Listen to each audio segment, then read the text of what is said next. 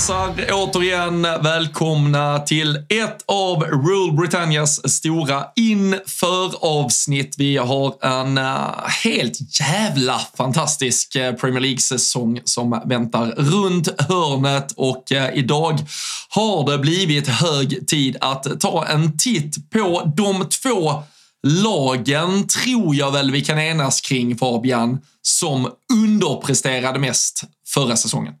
Ja, det får man väl verkligen säga. Och eh, känslan är att folk tänkte sig att folk kan gissa vilka det är, men det står ju faktiskt på avsnittsbilden och i avsnittsbeskrivelsen vilka, vilka lag det är. Så det blir ingen jätterolig quizlek från min sida. Men... det är inte raketforskning vi sysslar med här borta just nu.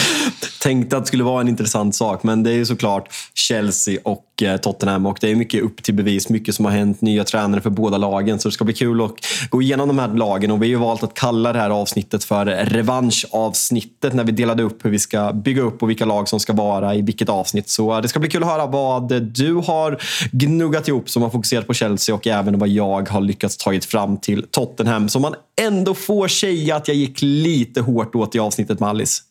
Ja, nej, men det, det, det, har du gjort. Så, så frågan är väl hur eh, objektivt eh, du har eh, tagit dig an den uppgift som, som du nu har fått då. Att, att titta på det, det Tottenham gjorde den gångna säsongen, de förändringar som då har skett här under sommaren och vad det kan lämna dem i för, för läge inför kommande säsong. Det, det ska ju verkligen sägas att Tottenham kanske ändå är, när vi sitter här och spelar in i månadsskiftet juli-augusti, det svåraste laget att ja, men ge någon form av slutomdöme eller en eh, ja, men definitiv förutsättning för med tanke på ryktena som ändå fortsätter att omgärda Harry Kane. Det, det finns ju inget lag, ja men, ja men varken i toppen eller botten, inte i hela ligan, som på samma sätt står och faller så mycket med en potentiell transfer som när vi spelar in detta ännu inte har blivit verklighet men som kanske har hunnit bli det när någon lyssnar. Spoiler alert, men eh, på kategorin snackisen kan det handla om Harry Kane. Eh, kan, det, kan, det, det, kan vara så. Men jag tänker väl att vi precis som, börja, precis som vanligt börjar att prata om föregående säsong. Och eh, man slutar alltså på åttonde plats för säsongen. Och förutom Chelsea och Leicester, som man glömmer bort hur mycket de underpresterade, så är man den absolut största besvikelsen föregående säsong. Och man man kom väl undan lite, kanske framförallt på grund av Chelsea. Att det pratades inte lika mycket om Tottenhams dåliga säsong. Man började faktiskt ganska bra. Det var mycket snack om man var dåliga, men man eh, lyckades ändå plocka poäng. Det var ju här att man, man, gjorde ju, man misslyckades med att göra mål nio första halvlekar i rad för att sen komma igång med det där. Och poängskörden efter 10-15 omgångar såg faktiskt ganska bra okej okej, okay ut. Liksom man hade hängt på Champions League-platsen och låg även där uppe väldigt länge. Men till slut så hände väl det som man eh, hade på känn ganska länge. Antonio Conte har inte en historia av att vara speciellt länge i sina klubbar och att han skulle göra sig omöjlig i Tottenham var väl ändå eh, ja, men man, man såg det verkligen komma och han spelade en tråkigare fotboll någonsin. Sen klev hans adept Stellini in och skulle vara så här, vad fan? Alltså så här, han har gått under konto hela sitt liv, vad fan ska han göra? Och sen fick han sparken efter en pulverisering och in kom Ryan Mason för andra gången i sin karriär och tog över Spurs som interim. Så det var ju en, det var en kaosartad säsong och mycket konstiga värvningar. Man slår transferrekord och värvar Richarlison. Men sen var den där lilla detaljen. Vart ska Richarlison spela? Brasilien startande mm. nia. Vart ska han spela? Vi har ja, men kanske okay, utan att hårdra det, men topp tre världens bästa nior i Harry Kane. Vart ska Richarlison spela? Så det var en kaosartad säsong för Tottenham kan man lugnt säga. Ja, nej, det, jag har uh, få så fina minnen från uh, den gångna säsongen som när uh, Richarlison firar med att göra kycklingdansen uh, framför uh, Anfield Road End när han sätter det 3-3. Det var väl typ hans enda Premier League-mål förra säsongen. Men Diogo Jota sen i en, ja men, vänder om på en minut där och dunkar in 4-3 ställt och Liverpool får, får segra. Det var ju en på alla sätt och vis jävligt märklig match det där. Men det det du nämner här ändå, alltså att Antonio Conte går och att Stellini är kvar. Är det bland det märkligaste, ja men alltså rokaderna på tränarpost man, man har sett egentligen. När det, när det är så tydligt en, en andra gubbe och en del av en stab som, som lämnas lite kvar. Conte sticker men oj, jag glömde Stellini så han kan ni, han kan ni behålla ett tag. Ja, men känslan var att det verkligen var för att eh, man presterade ju ganska bra när Stellini var tränare. För om du får rätta mig om jag har fel, men det var väl gallblåsan typ som, eh, eller gallan, jag vet fan, som Conte hade problem och missade några matcher när han opererade. Så här slår man ju bland annat City med Stellini vid bänken. Så frågan är om det inte var de här bra insatserna, man har även någon i Champions League som är helt okej, okay, som gjorde att han fick chansen. Men det är som jag var inne på, alltså, det är exakt samma tränare, samma filosofi. Jag är svårt att se att Conte har en Stellini-typ som hatar 3-5-2 och cynisk italiensk liksom, grinta fotboll. Det ska vara cyniskt, det ska vara tråkigt men effektivt. Så nej, helt eh, världsfrånvänt att man, att man ens gjorde det här från första början. Ja, men eh, vi har ett eh, avsnitt med två lag då där det i båda fallen har blivit nya tränare sen eh, förra säsongen. Och eh, uttalet får ju eh, ursäkta när vi hade Alice med i början av eh, Rule Britannias framfart här så, så valde hon ju det lite göteborgska, Ange, och eh, nöjde sig med det. det jag vet inte om vi, vi kommer fastna där, vi, vi har ju haft lite uttalsdiskussioner förr, men eh, Ange Postecoglou eh, är den nya mannen som ska leda Tottenham till framgång och eh, vad har han egentligen åstadkommit för i karriären? Och det är väl det här som gör att man känner sig ganska skeptisk när man ser på det här utifrån. Om vi ska börja med att ta det positiva så verkar det vara en tränare som gillar att stå för en offensiv fotboll och Spurs har ju sitt, ja men kanske lite klyschiga to dare to do, att det liksom, lite, lite det engelska Bayern om vi får se, se det så. Det kanske inte handlar alltid om att vinna titlar utan det kanske mer handlar om att man ska underhållen, att man gillar matcher. Det har synnerligen inte handlat om att vinna titlar för Tottenhams del Nej, det är vi väldigt tydliga med att säga. Eh, nej, men att en 4-4 match kan uppskattas för att det ska liksom vara, det ska vara anfallsfotboll, det ska vara show, det ska vara underhållande för publiken och om vi tar de senaste tre tre tränarrekryteringarna efter Mauricio Pochettino som du kommer komma in mer på senare så är det ju José Mourinho, Nuno Espirito Santo och Antonio Conte.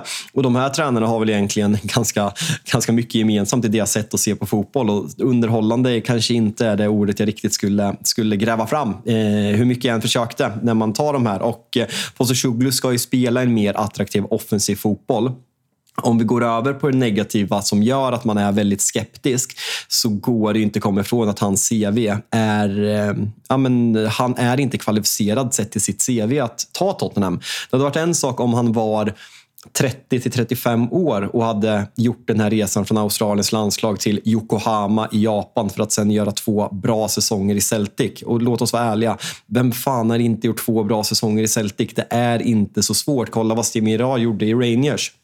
Att han nu är 57 år, har varit i Europa i två år. Det eh, jag, eh, jag ser liksom inte... Jag vet inte. Alltså så här, jag, jag fattar att Spurs-supporterna vill jävligt mycket med det här, men jag... Om han hade varit så bra hade han inte kommit tidigare. Jo, uh, troligen. Det, det, det, är ju som så, det är ett helt uh, oskrivet eh, blad här och ett, och ett väldigt blankt. Alltså man, man har ju sett hur, hur Celtic har stormat fram, men precis som du säger så har man ju sett Celtic storma fram med i stort sett vem som än har lett det där laget. Uh, allt från uh, ja, men, de, de, de gamla kufarna på Henke Larsson-tiden i stort sett som, som man fick bekanta sig med genom TV4-sporten och annat till som uh, Brenda Rogers som de slog väl rekord på rekord när han var och ledde Celtic och, och sen så, så har det ju inte blivit mer av det när man har försökt göra det på Premier League-nivå. Så det är väl eh, sportsligt, alltså spelmässigt och DNA-mässigt och vad man vill göra med Tottenham så förstår jag eh, alltså att det finns ett eh, ja, men, inte, inte en eufori kring det, men att man tror att det här kan bli något väldigt mycket roligare. Men att det per automatik ska vara raka linjer till resultat, det ska man nog vara lite mer försiktig med att uh, tro. För det, ja, där, där kommer han testas. Men vi var inne på det här med Alice. Hur tror du att det kommer se ut om vi pratar så här, ja, men, att Tottenham om om vi tar förra säsongen, det är slaxen med Harry Kane som inte kommer ta slut. Vad ska Tot kan Tottenham ha tålamod att sluta åtta så länge liksom det, man ser framsteg, man spelar en roligare fotboll, det finns någonting att bygga på. För alltså, Konkurrensen där uppe är bentuff. Alltså, vi har den klassiska topp sexan, eller Big Six som det heter, där Tottenham är en del av det. Aston Villa har gjort ett hittills fem plus fönster. Vi har Newcastle som har slagits in, som är där för att stanna. Vi har Brighton som fortsätter utvecklas. Vi har West Ham som har förutsättningar långsiktigt riktigt. Kan, kan man ha tålamod men att komma åtta, sjua så länge man ser framsteg? Eller liksom kommer tålamodet försvinna fort bara. Just, just för att han inte har erfarenheten. Och för att han är liksom australiensare. Och vi var inne på det här i avsnittet när vi pratade Chelsea. Att man, man har väl någon liten smygfördom mot amerikaner som kommer in i fotbollen. Att liksom, de ska inte ha med fotboll att göra. Och Det är väl lite samma med australiensare. Alltså, det är Tim Cahill i Everton och så här, Harry Kewell har varit i Liverpool och Mark Viduka har gjort det bra. Men tränare, alltså, tränare från Australien, det, det känns fel. Ja, nej, nej men det, det köper jag. Och det som, det som jag tror är eh, problemet lite för Tottenham, det är ju att de vill de vill ju börja om nu. Alltså det, det, det som sagt, jag tror det är en klok, ändå utifrån förutsättningarna, uh, managervärvning. Uh, jag, han kan säkert, om man får träff, göra, göra något väldigt bra. Men så länge de har Harry Kane-oket över sig så blir det ju ändå aldrig ett ett nytt Tottenham. Och tittar vi på vad de har värvat, som du kan komma in på med lite transfer, så, så har det fortfarande inte skett så mycket. Det är fortfarande de här, det, det gamla truppbygget byggt för gamla tränare och med förutsättningar att göra saker och ting på ett, ett sätt som Tottenham ville spela fotboll på för två, tre år sedan. Så egentligen det bästa, om man verkligen ska också kunna utvärdera vad, vad den nya managern här kommer åstadkomma med, eller åstadkomma i, i den här miljön så hade de ju kanske behövt riva hela alltså korthuset. Alltså, sälja Kane, ta pengarna, börja bygga om, skeppa några av de här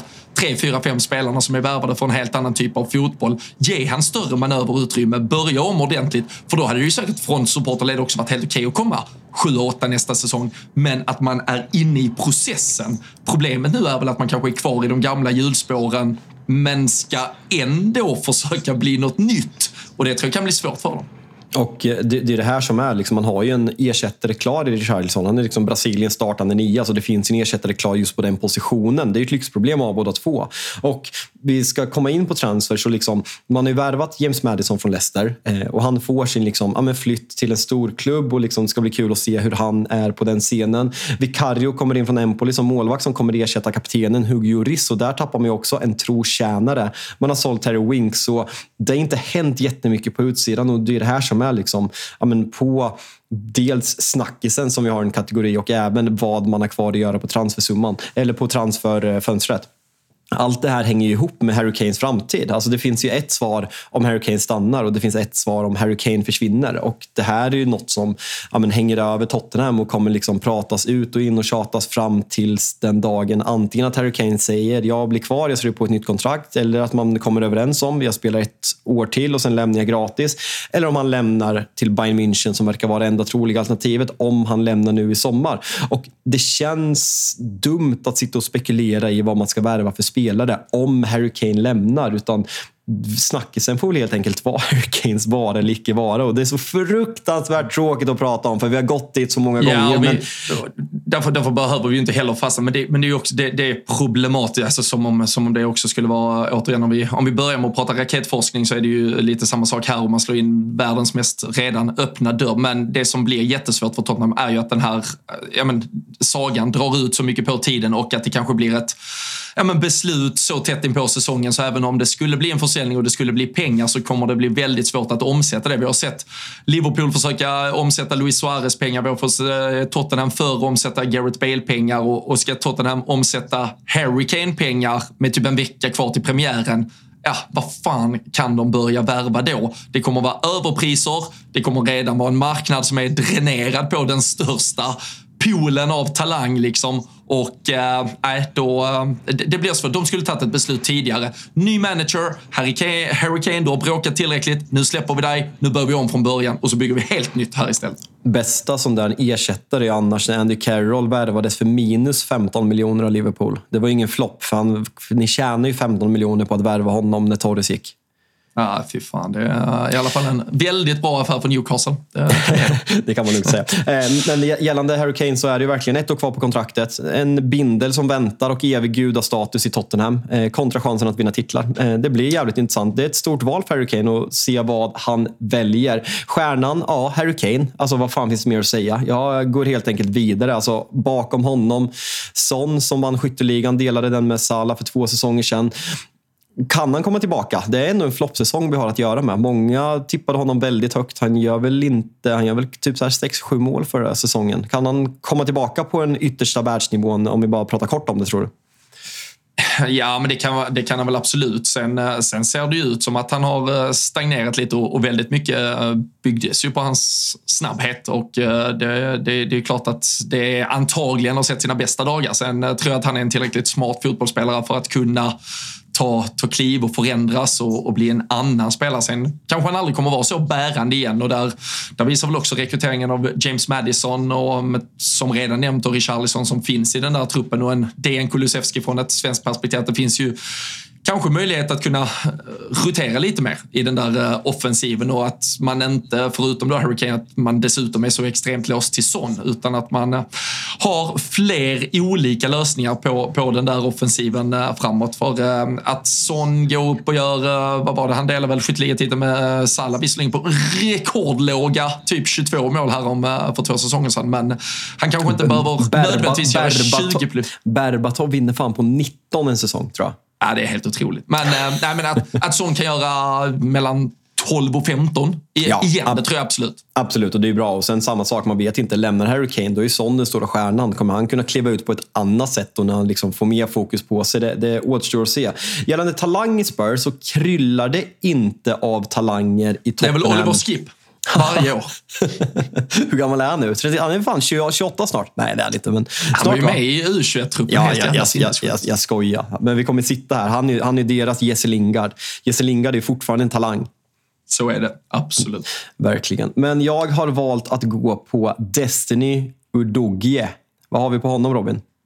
Där har vi ett stort blankt papper och absolut ingenting. Så jag Alltså jag, jag, bara gissar på att han har befunnit sig i Serie A den senaste tiden. Jajamensan, det stämmer. Han värvades från Udinese för lite drygt ett år sedan och blev direkt utlånad tillbaka till Udinese. 20 år och 74 matcher i Serie A. Och här har jag såklart tagit hjälp av min gode vän Kristoffer Svanemar. För jag har ju såklart noll koll på honom.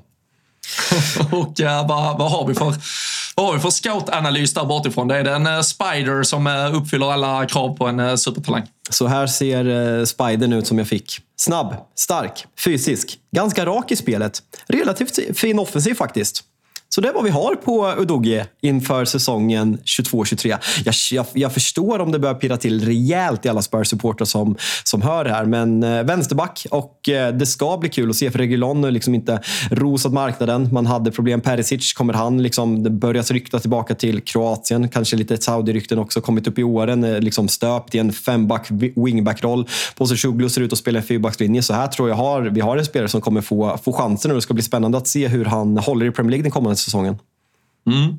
Men äh, jag tänker bara vi, vi, vi hoppar och studsar lite. Men alltså, för att gå tillbaka lite till det ja, men nästan då icke-existerande transferfönstret som har varit än så länge. Vad, äh, vad, vad, känner du och vad tror du kommer hända mer för Tottenham oavsett? Vi skiter i Harry Kane, men vad behöver de få in på andra positioner för att ändå ja, bli ett nytt Tottenham? Alltså om vi pratar centrala mittfältet, alltså nu har man ju fått den där, man har ju hungrat efter den där offensiva mittfältsrollen sen Christian Eriksen lämnade för att gå till Italien. Höjbjerg kom in och liksom vart en publikfavorit av vissa. Vissa var mer skeptiska, men låt oss vara ärliga. Han är inte tillräckligt bra för att starta i Tottenham. Bentancourt kommer in, gör det väldigt bra, men är korsbandsskadad och kommer troligtvis missa ett halvår av säsongen. Ska nämna det att Bentancourt och Dejan är ju på pappret nyförvärv den här säsongen, men jag orkar inte benämna dem som det. Det är därför de inte kom med när vi pratar om nyförvärv. Bissoma värvades från Brighton och sågs liksom som ja, men han ska ta den där ankarrollen på det centrala mittfältet. Och hur det ser ut nu på centralt mittfält, det är så här. Lo Celso tillhör klubben. Papazar, liksom så här, är han tillräckligt bra? Bissoma, men extremt ifrågasättande. Ndombele tillhör fortfarande klubben. Bentancourt skadad. Höjbjer, ja, kanske inte tillräckligt bra. En truppspelare, absolut. Och sen bakom där Oliver Skip. Det här, trots intåget av James Madison, är väl alldeles för dåligt, va? Ja, nej men spontant verkligen. Och uh, jag tycker även där är ett problem i alltså mittbackspositionen. Nu, nu, nu riktas man ju med van de Ven, bland annat från Wolfsburg och uh, ja, Davinson Sanchez ska man ju av uh, väldigt märkliga grunder försöka göra business med, med Ryssland kring och, och sälja till veck, Spartak Moskva. Samma vecka som man ska spela en träningsmatch mot Shakhtar för att hedra eh, Ukraina och samla in pengar till Ukraina. Det är fräscht. det, ja, det, det, är extremt märkligt och Premier League har ju varit ute och sagt att alltså, ni, ni får inte göra business med dem. Ni, alltså, ni ska inte göra det. det, det, det för det första, alltså, det, det, det ju moraliskt så, så jävla fel och det är ju extremt smutsiga pengar som går rakt in i, i den där klubbkistan. Så, så det är ju märkligt. Men, men både, jag, jag håller med dig, alltså centralt mittfält och även centralt försvar. Alltså Cristiano Romero har ju visat att han har en höjd i sig, men han har också visat att det finns ja, men en, en lynnighet och det kan vara ett Snäll, humörspel. Snällt uttryck. Ja, och äh, där, äh, så jag, jag känner väl alltså för det. Dessutom då i en, ja, men inför en säsong med en ny målvakt och även om Hugo Lloris sannoliken har stått för sina misstag så har han ju trots allt varit någon form av garant för någonting i alla fall i det där Tottenham-laget. Så med ny målvakt, en ganska svajig mittbacksuppsättning, en ganska svajig mittfältsuppsättning. Så ja, där är eh, fundamentala och eh, ja, men, eh, brister i eh, det som ändå ska vara grundbulten i de flesta lag. Ja, det blir spännande att se också. Som sagt, mycket fokus på Hurricane de kommande veckorna. Om vi pratar målsättning för säsongen och vad jag tror som har gjort gnugget här så är det väl den här frågeställningen egentligen. Hur mycket kan supporten acceptera en exempelvis sjunde plats om det börjar se bättre ut. För om vi kollar på ja, men förra säsongens ja, men topplag, jag tror att Chelsea kommer steppa upp rejält. Det ska du få berätta mer om för mig snart, vad du tror. Vi har ja, men förra årets topp fyra, Newcastle kommer bara bli bättre. United ser bättre ut under Erik Ten Hag. Klopp kommer fortsätta sin eh, ombyggnation med Liverpool topp 6 har jag så jävla svårt att se. Det är så här, kan man acceptera en sjunde plats? Kan man acceptera en ombyggnation? Jag vet inte. Det enda för mig som talar för att Tottenham kommer göra en bra säsong är att förra årets fiasko betyder att man inte kommer spela i Europa. Och vi har sett, alltså så här, det finns exempel på klubbar som har kunnat leverera ganska rejält när man inte har haft det där Europaspelet som stör. Sen vissa klubbar och vissa spelare vill spela två matcher i veckan för att man blir bättre av det. Så det, det är liksom bara att man greppar efter halmstrån. Men vad ska vi säga, alltså topp 6 jättebra för Tottenham, men framförallt att man ska se en offensiv fotboll som är värd att bygga vidare på. Så att skapa tro i supporterögon, det tror jag är absolut viktigaste för Tottenham i år. Ja, nej, men jag, jag, jag, håller helt med dig och jag tror uh, att uh, i, i det här fallet för Tottenhams del att det inte är uh, Europaspel när man har en ny manager och ganska radikalt kanske vill förändra sitt sätt att spela fotboll. Så så vet man hur, hur viktiga de här dagarna på, på träningsfältet är. Vi har sett eh, ofta nya tränare som kommer in, framförallt i topplagen när man byter under säsong och så vidare, så kan det ju ta när, det är, när du är inne i, i, i vinterperioden och det är Champions League-gruppspel som ska avgöras och det är kuppspel som drar igång, att du, du får ju typ inte ens en, en hel träningssession med laget, typ, så du, du kan ju inte sätta några stora förändringar. Och eh, i Tottenhams fall här, dels att han är klar så tidigt här inför eh, säsongen, han har fått hela sommaren, men sen att man får då varje vecka på, på träningsplanen. Det, det tror jag i detta fallet kan vara väldigt bra för Tottenham och att eh, de kan bygga på det. Och långtidsspel kör vi väl lite svensk fokus här va? Det är väl alltid trevligt?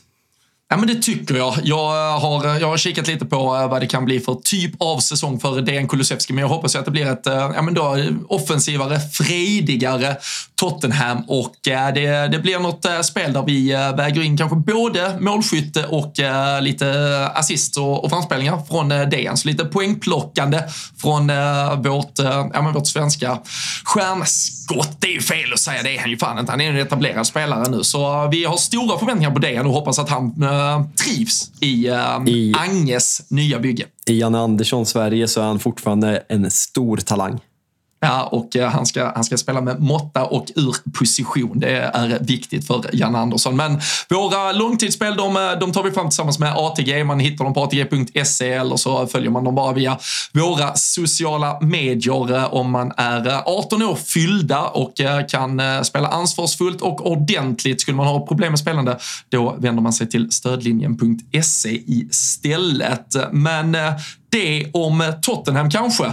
Och så uh, tittar vi mot en uh, London-rival som hade det fan ännu tuffare förra säsongen. Vi gör eh, detta avsnitt i samarbete med Telia och det vi gillar med Telia Fabian, det är ju att man kan samla alla sporter på ett ställe och då menar vi verkligen alla hur eh, smart är inte det? Ja, i höst kan man alltså exempelvis kolla när Premier League och Champions League drar igång. Samtidigt som man kan följa slutspurten i Allsvenskan och gruppspelet i SHL. Med den grymma Telia Play-appen kan man dessutom se alla sporter, matcher live eller i efterhand. Om det blivit någon krock eller om man har varit iväg på något annat äventyr medan matcherna gick live. Och eh, vill man, eh, varför man nu skulle vilja det kanske, alltså ta en liten, liten paus från eh, all sport som finns där ute så kan man ju såklart även plöja igenom hela det enorma utbud av filmer och serier som finns på Viaplay och Simor genom Telia. Och man kan, håll i hatten nu här Fabbe, alltså även lägga till HBO Max utan extra kostnad. Otroligt. Och då sitter folket där hemma och tänker hur saftig den här notan blir. Nej, men alltså det kostar ju bara 649 kronor i månaden, vilket gör att man alltså sparar över 500 kronor jämfört med om man köper alla de här tjänsterna separat. Nej, men det är eh, total succé och eh, samla sporten smartare, spara massa pengar. Det är Telia det, så stort tack till Telia. Ja, nej, men det kan man lugnt säga. Och det, man har ju skämtat om det så fruktansvärt mycket men det är så svårt att förstå att Chelsea till slut slutar på tolfte plats i Premier League. Och med intåget av Todd Bowley, så mycket värvningar man gjorde och så åt helvete som allting gick. Så du får väl börja att påminna oss som eh, såklart njuter av den förra säsongen. Vad, vad, vad fan var det som skedde egentligen? Nej, men jag, jag, jag, tror väl att alla minns eh, alltså, de, de små olika ögonblicken som eh, stack ut. Men eh, det var ju ägarsituationen då som fick sitt definitiva skifte under förra sommaren med Roman Abramovic, sanktionerna, hans uttåg och att Todd Bowley då till slut klev in och skulle börja styra den här skutan. Thomas Tuchel var manager i det som skulle bli något nytt Chelsea. Han fick i stort sett värva lite lite hur han ville. Det spenderades otroliga pengar på allt från eh, Raheem Sterling till Wesley Fofana och eh, ja, men vidare till en Pierre-Emerick Aubameyang och eh, så vidare. Men sen tog det bara några veckor i stort sett. Thomas Tuchel fick inte riktigt fart på det. Det omgärdades ju hela tiden om rykten om hur mycket Todd Bowley ville lägga sig i, i verksamheten också. Och om Thomas Tuchel var den som först fick nog eller om Todd Bowley bara satt och förbannades över att Tuchel vägrade spela 4-4 4-3. Det förtäljer väl inte historien helt, men eh, han eh, valde att kicka Tuchel. Man plockade in Graham Potter och eh, sen kan vi ju konstatera att det bara blev i stort sett sämre och sämre och sämre. Graham Potter fick ju inte alls ordning på det där Chelsea-laget heller. Han fick spendera miljard på miljard under januarifönstret med en Mudrik, en Enzo Fernandes som kommer in. Det var hela den här historien med det nya sättet att skriva de här långa kontrakten takten för att trolla sig förbi olika eventuella bokföringshinder och så vidare.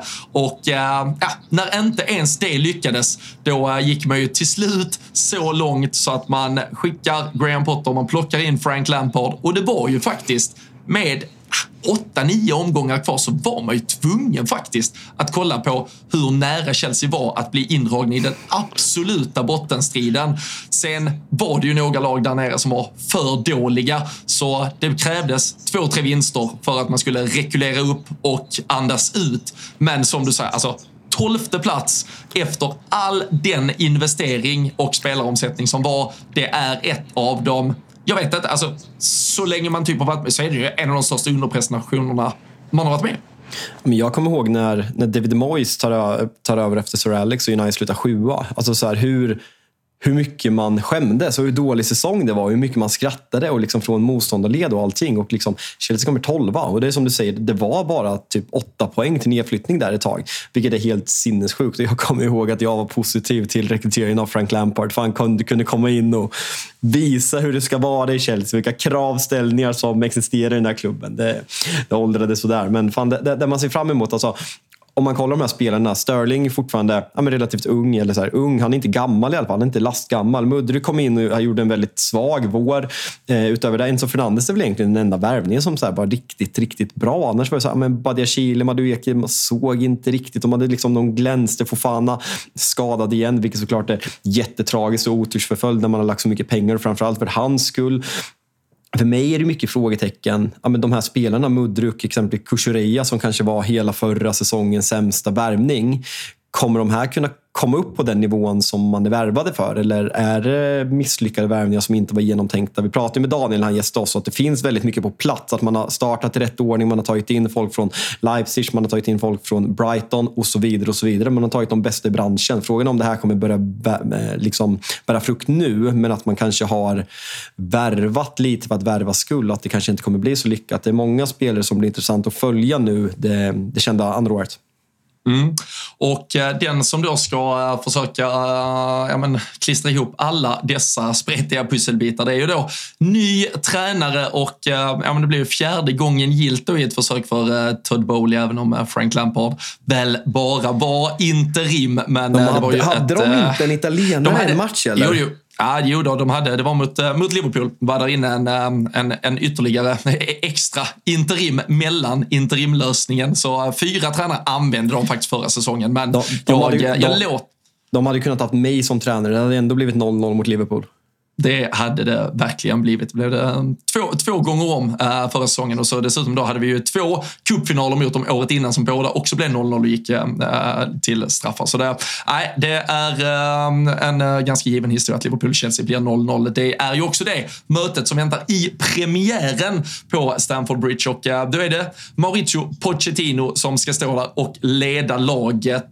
Gjorde ju succé med Spurs när han var där, tog ju en på tal om alltså, homogena grupper i, i det andra spektrat. Det var ju verkligen ett, ett lag, en elva som uh, lärde känna varandra utan och innan och han tog ju det hela vägen till den där Champions League-finalen i Madrid 2019 och som enligt alla Tottenham-supportrar hade vunnits om inte domaren hade varit köpt och blåst straff på Musa Sissokos eh, arm som stack ut lite. Men eh, det som väl är frågan nu, det är ju dels eh, hur mycket hans eventuella alltså, kärlek till Tottenham Tottenham och vad, vad de byggde där. Nu ska han in i en ny miljö, i en konkurrerande klubb. Vi har pratat om den rivalitet som faktiskt byggdes under åren med Pochettino just mellan Chelsea och Tottenham. Och uh, Pochettino har väl en del att bevisa tycker jag efter att han eh, från det där Tottenham-laget tog klivet vidare och med den session han gör i PSG där jag inte tycker alls han riktigt får ordning på saker och ting. Och eh, sen som alltid med Todd Bowley där eh, i periferin hur mycket mandat han har att styra och ställa själv. För jag tror att om Pochettino i lugn och ro får bygga detta. Vi pratar ett Tottenham som kanske skulle rivit ner allt och börjat om nu det har ju lite Chelsea redan gjort och vi ska komma till allt de har skeppat iväg åtminstone. Om Pochettino får bygga detta från scratch, om Todd Bowley kan faktiskt se en långsiktighet i det, då är jag ju säker på att det kan bli riktigt, riktigt bra. Och jag tycker ju också att truppen är Alltså den, den är ju tusen gånger bättre än det man sportsligt presterade till slut i fjol. Så visst finns där mycket, mycket möjligheter för det här Chelsea, men det krävs ju att Pochettino visar att han kan göra det igen lite, det han gjorde med Tottenham. Med vad som då faktiskt var sämre fotbollsspelare, på pappret i alla fall, än det han kommer ha till förfogande i Chelsea. Och det är, det är framförallt ett väldigt avgörande läge för Pochettino om vi pratar hans karriär. För, för mig, alltså, han, jag har jätterespekt för vad han gjorde med Tottenham. För han tog Tottenham, liksom, alltså, om vi hårdrar det, men där Harry Redknapp byggde upp och liksom gjorde Tottenham till en ja, men, utmanarklubb som kan liksom, kvalificera sig för Champions League. Kanske inte varje år, men liksom, gå långt i kupperna Och sen liksom, byggde vidare på det här förfinade. Det här tog dem att man verkligen kunde slåss om ligatitlar och gå till Champions League-final. Men det folk lätt glömmer, det är att den här våren som Tottenham går Champions League-final 2019 eh, man är direkt dåliga i ligan här. Det är Tottenham rejält på dekis under Pochettino eh, här och man levererar inte alls. Man, man går på den där runnen och låt oss vara ärliga. Alltså man, man slår ut City, man är fullständigt utspelad i 180 minuter och sen har man liksom last minute winner på, på, i Amsterdam mot Ajax. Så man går ju dit på väldigt mycket marginaler på sin sida. Och sen är ju hösten direkt jättedålig när han kommer tillbaka och där, det är även därefter han får sparken. Sen har vi sessionen i PSG där han inte alls imponerar. Sen är PSG ett väldigt svårt bygge att komma till. Jag hade ju länge Pochettino som en väldigt högt upp på min lista som tänkbara liksom, nästa tränare till Manchester United. Men när det förra sommaren, eller förra våren, stod mellan Pochettino och Rikten Hag utan att ha sett Rikten Hags Ajax jättemycket så var jag väldigt, jag ville inte ha Pochettino och när han började ryktas till City så var jag ja, men skeptisk för även om det finns bra saker så har han gjort de här bra sakerna en gång. Jag har sett ganska mycket dåliga saker saker de, det senaste jag har sett av Pochettino. Att han ska vara rätt man att komma in och liksom vända på det här skeppet som är ja, men ett jättestort frågetecken och väldigt mycket frågor ställs och det är väldigt mycket som behöver göras på rätt sätt. Jag, jag kan ha jättefel, men jag är skeptisk på förhand. Det, det kan jag inte låta bli att säga. Ja, nej, men det, det tycker jag att man ska vara och det, det är ju det laget som jag tror man kommer ja, men, behöva lära känna mest egentligen uh, när uh, säsongen startar. Det, det, var som sagt ett, ett fullständigt uh, dysfunktionellt fotbollslag under hela förra säsongen oavsett vem som försökte leda det där laget. Det var, det var nya startelvor, det var, det var så otroligt mycket värvningar både inför säsongen och mitt under säsongen att man, man fick ju aldrig någon känsla för vad det här Chelsea-laget var. Och nu så har ju den här sommaren, om vi pratar transfers, än så länge präglats väldigt mycket av att göra sig av med spelare, att banta den här truppen. Att vi nog så sakteliga ska komma så nära en startelva som möjligt. En tydlig elva med en tydlig, uh, kanske då uh, rangordning på spelare precis där bakom och att vi inte sitter med Chelsea med 40 spelare och att det är rena tombolan i vem som kliver ut på, på plan i startelvan vecka efter vecka. Utan uh, med det här transferfönstret än så länge så är det ju Christopher Nkunku som har kommit in från Leipzig. Det är Nicholas Jackson som har hämtats in och uh, utöver det så kan, har vänta, ju i stort vänta, sett... Vänta, kan vi inte bara så nu, ska, kan inte du läsa den här utlistan så ber vi Kalle lägga på en moodslinga Eh, så, så tar vi fem minuter där, så läser du alla som har sålts. Det kan vi verkligen göra. För eh, förutom då de här två på infronten så är det ju en utlista som kan göras hur lång som helst egentligen. Det är eh, N'Golo Kanté till Saudiarabien. Det är eh, Koulibaly till Saudiarabien. Det är Edouard Mendy till Saudiarabien. Det är Kai Havertz till Arsenal. Det är Matteo Kovacic till Manchester City. Det är Mason Mount till Manchester United. Det är Christian Pulisic till Milan. Det är Ruben Loftus-Cheek till Milan. Det är Ethan Ampadu till Leeds. Det är Aspilicueta till Atletico Madrid. Det är Aubameyang till Marseille och man har till och med då igen lånat ut den här inhämtade anfallaren David Fofana till Union Berlin. Och eh, dessutom så tyder väl mycket på att det kan hända ännu mer. En Conor Gallagher, bland annat, som ryktas till West Ham, Newcastle. Det har varit mycket rykten kring honom och eh, ja, men det är ju en, alltså det är ju, det är så mycket spelare här alltså, som man dessutom såg så ofta på olika sätt i en startelva. Så man, alltså, har de någon kvar måste man ju först känna känna och tänka, men där är ju faktiskt rätt så mycket vettigt kvar i det här Chelsea-laget egentligen också. Ja, men alltså, höjden finns ju där och den enda frågeställningen jag har, om vi tar det jag har mest frågeställningar till, är väl att allt tyder på att man kommer gå över till en fyrbackslinje och hur mittbackspositionen nu när Fofana skadar sig, hur den kommer se ut. Alltså, Luke Holwell, jag ser honom som tokgiven i det här Chelsea. Jag har svårt att se Thiago Silva, är han 41 eller hur gammal är han? Ska han spela 38 matcher i en fyrbackslinje? Nej, jag tror inte det. Han var jättebra i en fembackslinje när han får liksom göra det han är bra på, men du sätts på mer prov när du spelar spelar i en fyrbackslinje. Där, där bredvid, vad, vad finns där ens? Nej, alltså just, just nu så är det väl uh, Badia Chile, det är Thiago Silva, det är Levi Colwill i uh, den där uh, alltså, A-lagsbackar. Om vi, uh, om vi pratar så här. Trevor Chaloba är där såklart. Det är Chaloba, absolut såklart. Någon, Mm. Ja, och det är någon, någon Chelsea-supporter som uh, tror fortfarande att han säkert kan bli bra. Det, där är inte, också, det, det, det, det, är inte tillräckligt bra. Också som, nej, och det är ju rykten också som omgärdar honom. Om flyttar och pratas Inter och Serie A och allt möjligt. Men, men även där på, alltså, pratar vi målvaktsfronten, när man nu väljer att släppa Mendy, då är, då är det bara Kepa som, som ska vara den där uh, givna ettan. Uh, det, det är Bettinelli och Slonina som är där bakom. En Lukas Bergström finns i truppen också, uh, noteras. Men uh, mittbackspositionen är ju, uh, alltså den är ju jättetunn och jättefarlig för dem ifall Levi Colwill väljer att eventuellt bråka sig bort om man inte får in något nytt. Så, så här måste de ju agera och det är ju det, det stora inför den här säsongen. Att får de inte in en mittback då är det ju, kan det ju se riktigt, riktigt farligt ut ganska snabbt. Och sen blir det kul att se även ytterbackarna som har varit ja, men en av Chelseas styrkor när man har varit som bäst när man vann Champions League. Och Reece James, vet vi alla vilken höjd han har. Han fick förra säsongen förstörd av skador.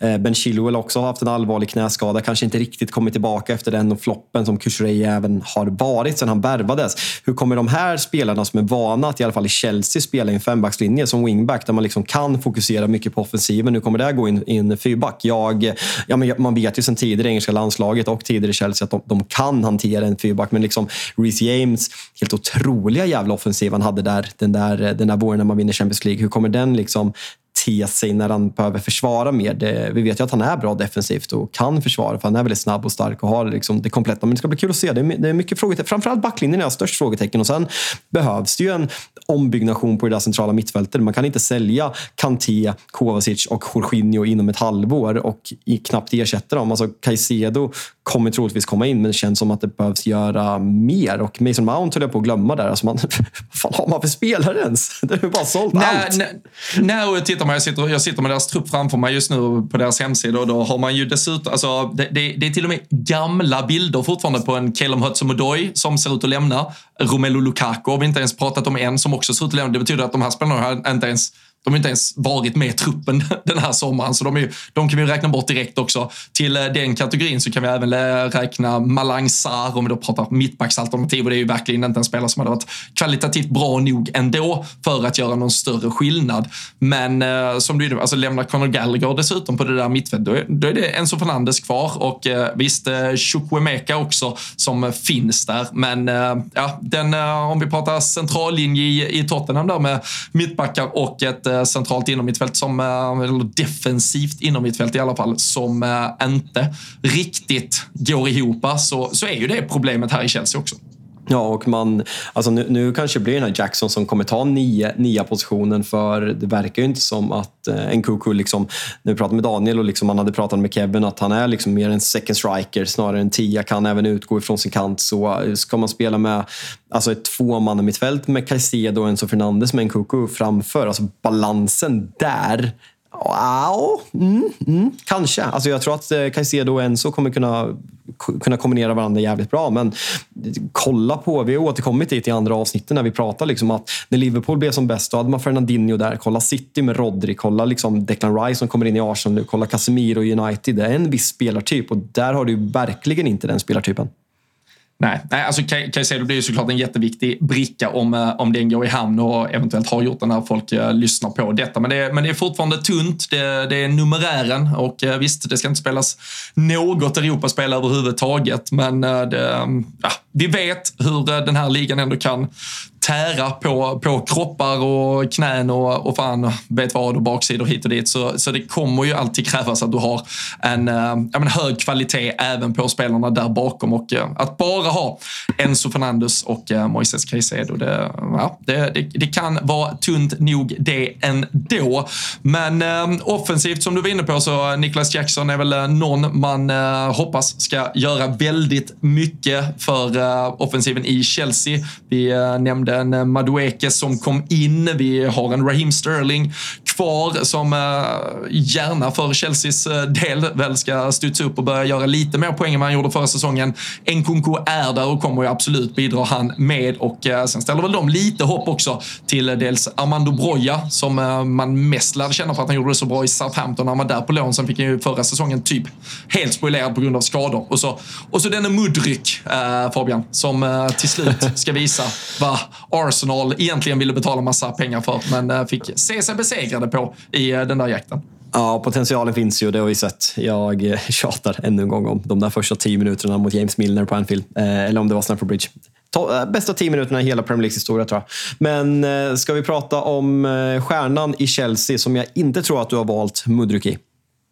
Nej, nej, men där är det ju... Eh, Jag, alltså, när, när, när, Chelsea de senaste åren har varit som... både... Alltså, fan, det visar också hur snabbt det snurrar i den här fotbollsvärlden. För när man säger så så låter det som att det, det skulle inte ha funnits någon höjd de senaste 5, 6, 7 åren. Och de, var ju, fan, i, de vann Champions League för två år sedan. Det, det, det är helt sjukt att uh, ta in det, men, men så var ju faktiskt fallet. Men, men därefter, när eh, Chelsea var som bäst och när man var som allra bäst under Thomas Tuchel, så var det ju när Reece James fullständigt dum dominerade den där eh, högerkanten. Han uh, gick som ett jävla ånglok upp och ner och uh, ja, men dunkade ju in mål var, var varannan vecka och uh, gjorde han inte det så smällde han den stenhårt snett inåt bakåt. Någon uh, anfallare eller mittfältare behövde bara komma, fylla på i boxen och stöta in den så att han får hålla sig skadefri. Att han prickar form, att Pochettino hittar en roll till honom och där blir det ju intressant att se fyrbackslinje kontra en tre-fembackslinje. Hur Reece James kommer att anpassa sig, hur bra han kommer att vara, kommer man kunna få ut hans offensiva kvaliteter? Men eh, jag håller honom som Chelseas största stjärna inför den här säsongen.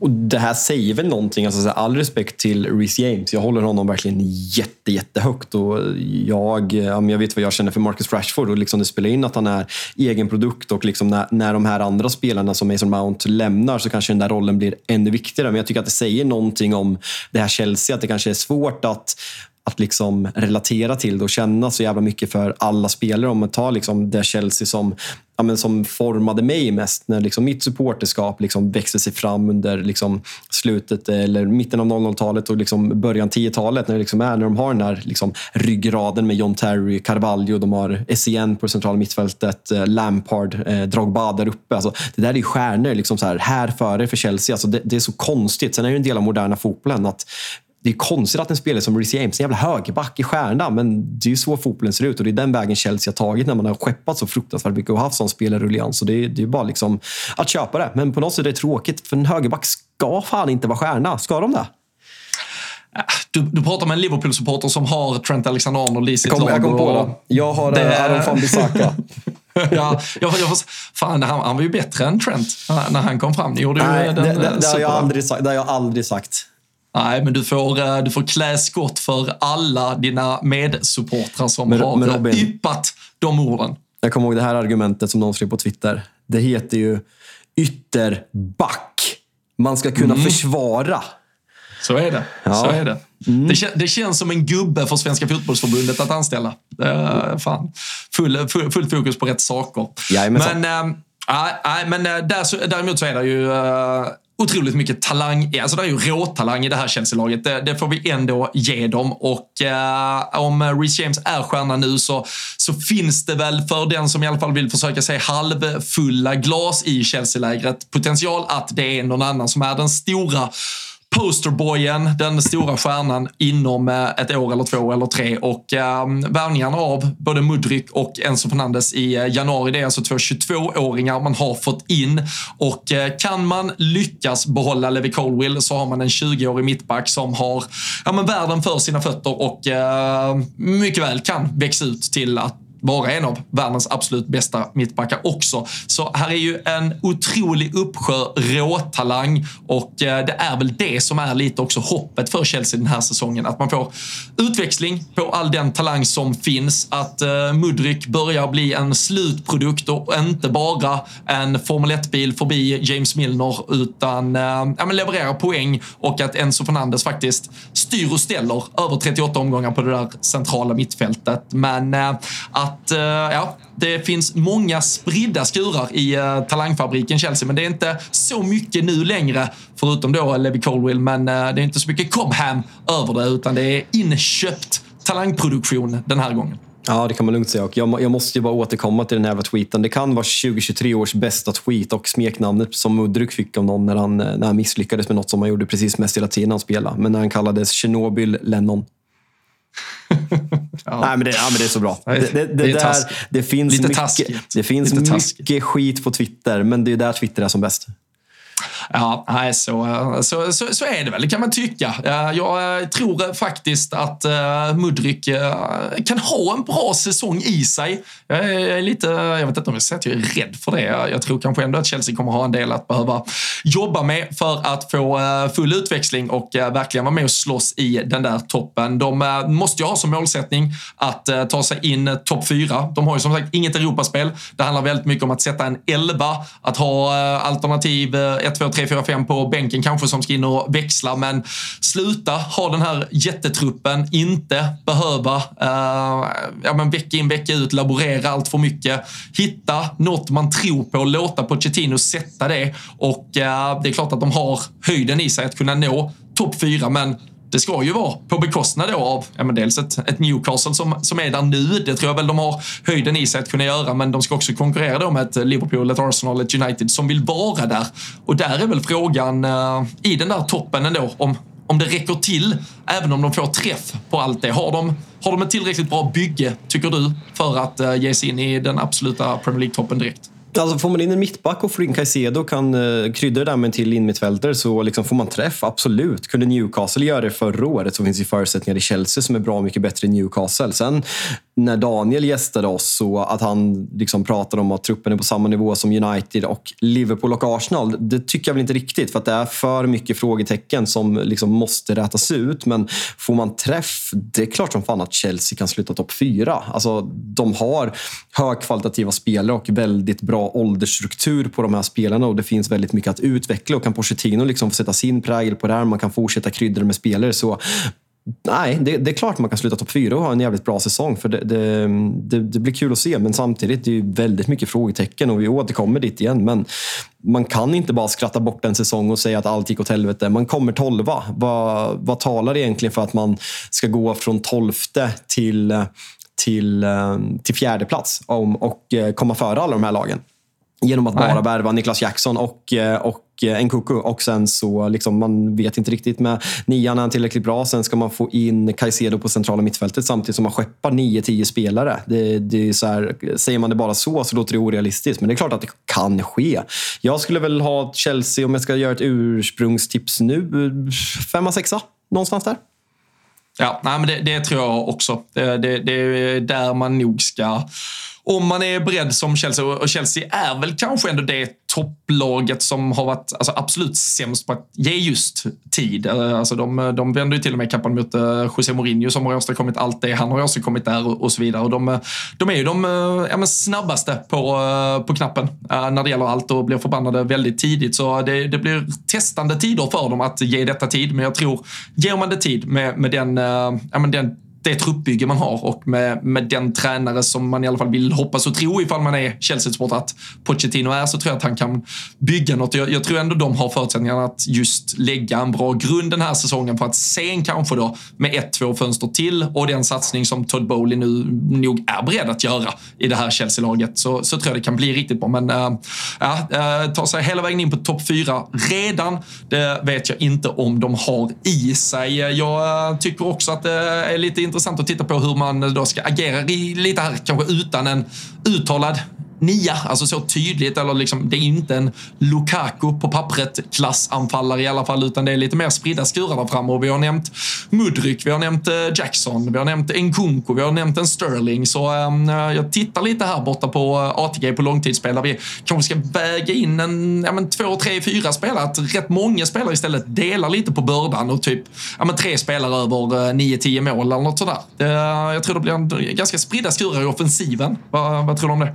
Ja, men den här, den här gillar jag, för som sagt, de har ingen riktig målskytt och Sterling kommer komma igång. Så det, det här spelet gillar jag verkligen. Eh, det, nej, men fan, det, det, är många klubbar där man känner det. Jag vet inte, man kommer att säga så här efter varje, varje gång du har ditt lag. Fan, jag ser fram emot att se det här laget. Det är mycket, mycket intressanta frågeställningar och man vet inte riktigt vart man har dem. Kan vi inte bara summera det? Fan vad man ser fram emot Premier League-säsongen. Det, det gör man verkligen. Och eh, ifall man eh, ser fram emot att eh, kika in på atg.se för att kolla de här långtidsspelen, då är det bara viktigt att man är 18 år fyllda och att man eh, såklart inte har något problem med spelande, för då finns stödlinjen.se istället. Men eh, ni eh, hittar eh, våra speltips på atg.se och ni kan även såklart eh, kika in på våra sociala medier. Eh, ni följer oss och finner oss på både Twitter och Instagram såklart och så delar vi med oss av våra tankar där. Men eh, med detta så stänger vi ner revanschavsnittet Fabian. Det är Tottenham och Chelsea som ska visa oss vad de går för nästa säsong och eh, ja, men det som är så härligt är att den sparkar igång om bara några dagar. Så eh, vi, vi spänner fast oss och ni där hemma, ni fortsätter beta er igenom alla dessa införavsnitt som redan finns och som fortsätter komma ut. Så vi hörs om bara några minuter igen i stort. Det gör vi verkligen. Vi hörs. Tja!